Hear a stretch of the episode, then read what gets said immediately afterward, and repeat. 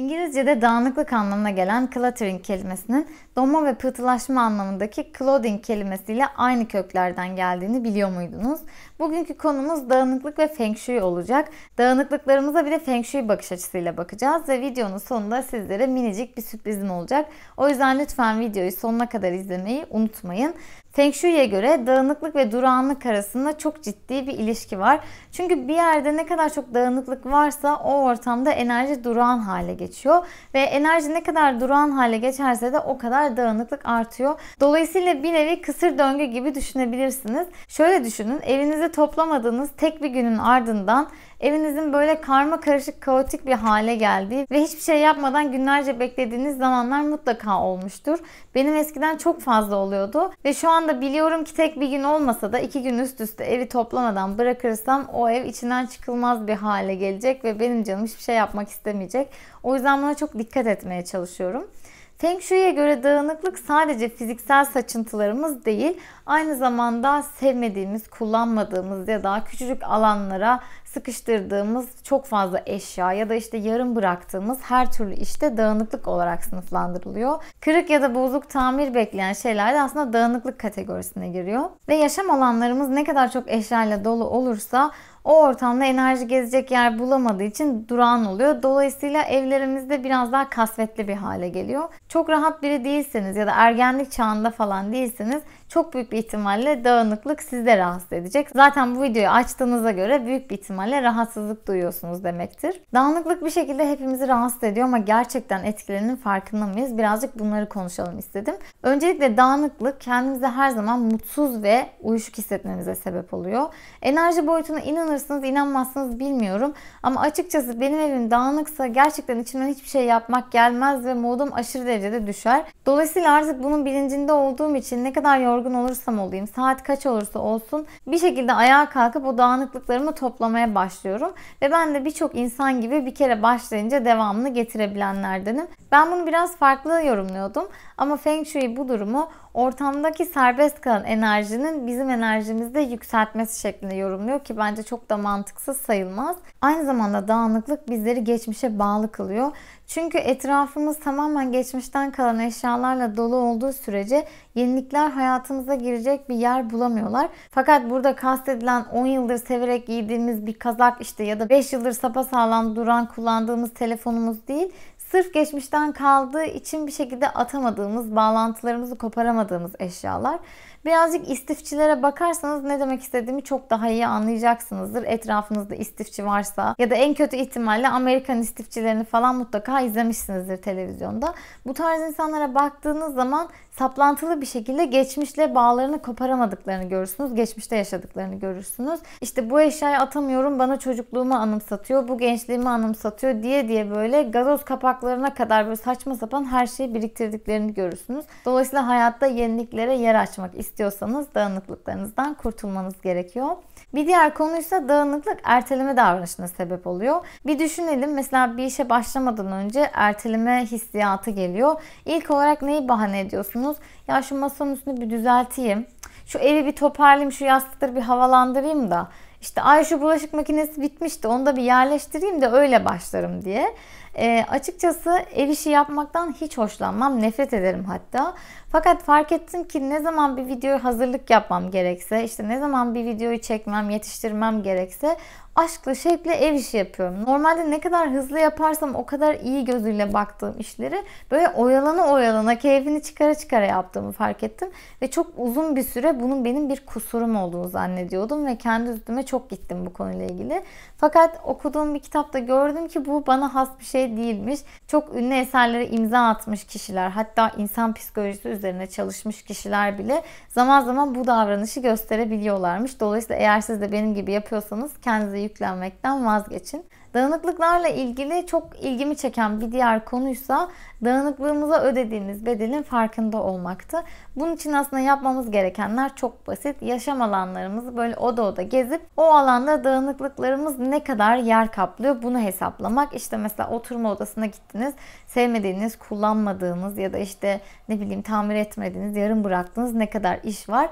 Bunları bir hesaplamak gerekiyor. Feng Shui konusunda yıllardır danışmanlık yapan Karen Kingston'a göre yaşam alanlarımızın neredeyse yarısı dağınıklıklarımızdan oluşuyor. Bunu bu şekilde söylediğimiz zaman çok büyük bir şey değil gibi gözüküyor ama baktığınız zaman ödediğiniz kiranın yarısını dağınıklıklara ödüyorsunuz. İşte temizlik için harcadığınız zamanın yarısını dağınıklıklarınız için harcıyorsunuz ki bence çok daha fazlası. Aynı şekilde enerjinizin de yarısından çok daha fazlasını dağınıklıklara harcamış oluyorsunuz. O yüzden birazcık eşyalara bu gözle bakarsanız elemek çok çok daha kolay olacaktır. Bu konuda bana güvenebilirsiniz. Dağınıklıkla ilgili bahsedeceğim bir diğer şey ise strese sebep olması. Bu konudan aslında minimalist olma hikayem videosunda bahsetmiştim. Orada size UKLA tarafından yapılan bir araştırmadan bahsetmiştim. Bu video hazırlanırken ise farklı bir araştırma buldum. Onu sizinle paylaşacağım. 30 tane çift üzerinde bir araştırma yapıyorlar ve bu çiftlerin her ikisi de yani hem kadın hem erkek çalışıyor ve çiftlerin tamamında 7 ile 12 yaş grubu arasında çocukları var. Ve çiftlerden evlerini şöyle bir turlamaları isteniyor. Daha sonra da evinizi nasıl tanımlarsınız diye sorular yöneltiliyor. Çiftler bu soruya verdikleri yanıtlara göre iki gruba ayrılmış. Bir grup evlerini stresli olarak tanımlarken bir diğer grup evin bana iyi geliyor, huzurlu bir ortam şeklinde tanımlamış. Ve evlerini stresli olarak tanımlayan kişilerin kullandığı kelimelere baktıkları zaman dağınık, karışık, kaotik, işte yarım kalan bir sürü işim var, tamir tadilat bekleyen eşyalar var, evimin yeniden dekore edilmesi gereken yerleri var şeklinde kelimeler kullandıklarını görmüşler. Evlerini huzurlu, işte kendilerine iyi gelen bir yer olarak tanımlayan kişiler ise evim sessiz, sakin, işte konforlu, rahat gibi kelimeler kullanmışlar. Bunun yanı sıra da doğayı çağrıştıracak kelimeler kullanmışlar. İşte bahçemde ağaçlarım var, çiçeklerim var, işte terasım var, orada bitkiler yetiştiriyorum gibi kelimeler kullanmışlar. Ve bu ilk aşamadan sonra 3 hafta boyunca bu çiftlerden günün belirli saatlerinde tükürük numunesi toplamışlar. Ki tükürüklerindeki kortizol seviyesini ölçmek için biliyorsunuz kortizol stres hormonlarımızdan bir tanesi. Öncelikle sabah hemen kalktıktan sonra numune almışlar. Sonrasında öğle yemeğinin önce, işten çıkmadan hemen önce ve yatmadan hemen önce olacak şekilde günde 4 tane numune almışlar. Ve sonuçlara baktıklarında evlerini daha huzurlu olarak tanımlayan kadınlar sabah kalktıklarında daha stresli olmalarına rağmen Gün içinde özellikle işten eve döndükten sonra o stres seviyelerini çok güzel düşürdüklerini görmüşler. Yani şöyle bir grafik izlediğini fark etmişler. Fakat evlerini stresli olarak tanımlayan kadınlar sabah kalktıklarında daha az stresli olmalarına rağmen gün içerisinde bu stresi sönümleyemedikleri için daha böyle düz bir grafik izlediğini görmüşler. Yani dolayısıyla eviniz ne kadar dağınıksa o kadar kronik stresli oluyorsunuz diyebilirim. Özellikle kadınlar için. Erkekler için de bu değerleri grafiğe koymuşlar ama çok anlamlı sonuçlar çıkmamış. Buradan da hareketle erkeklerin evlerindeki ortama kadınlardan daha az duyarlı olduğu sonucunu çıkarabiliriz. Tabii ki burada erkek izleyiciler lütfen alınmasın. Sonuçta 30 tane erkek üzerinden yapılan bir deney hani genel temsil etmez ama çok da mantıksız sonuçlar çıkmamış. Peki bizi bu denli rahatsız eden, strese sokan dağınıklıklarımızdan nasıl kurtulacağız? Birazcık da bunları konuşalım isterseniz. Öncelikle bir dağınıklık testi yapabilirsiniz. Böyle siz de bu deneydeki kişiler gibi bir ev turu yapıp özellikle işte karışık çekmece, dolap gibi alanlarınıza gidip bu eşyayı kullanıyor muyum, seviyor muyum, enerjimi yükseltiyor mu, birden fazla işimi görüyor mu gibi sorular sorabilirsiniz. Ve bu sorulardan en az iki tane olumsuz yanıt alıyorsanız çok büyük bir ihtimalle o eşyalar sizin için dağınıklıktır ve bunları elemeniz gerekiyor. Bunu elemenin en kolay yoluysa liste yapmak.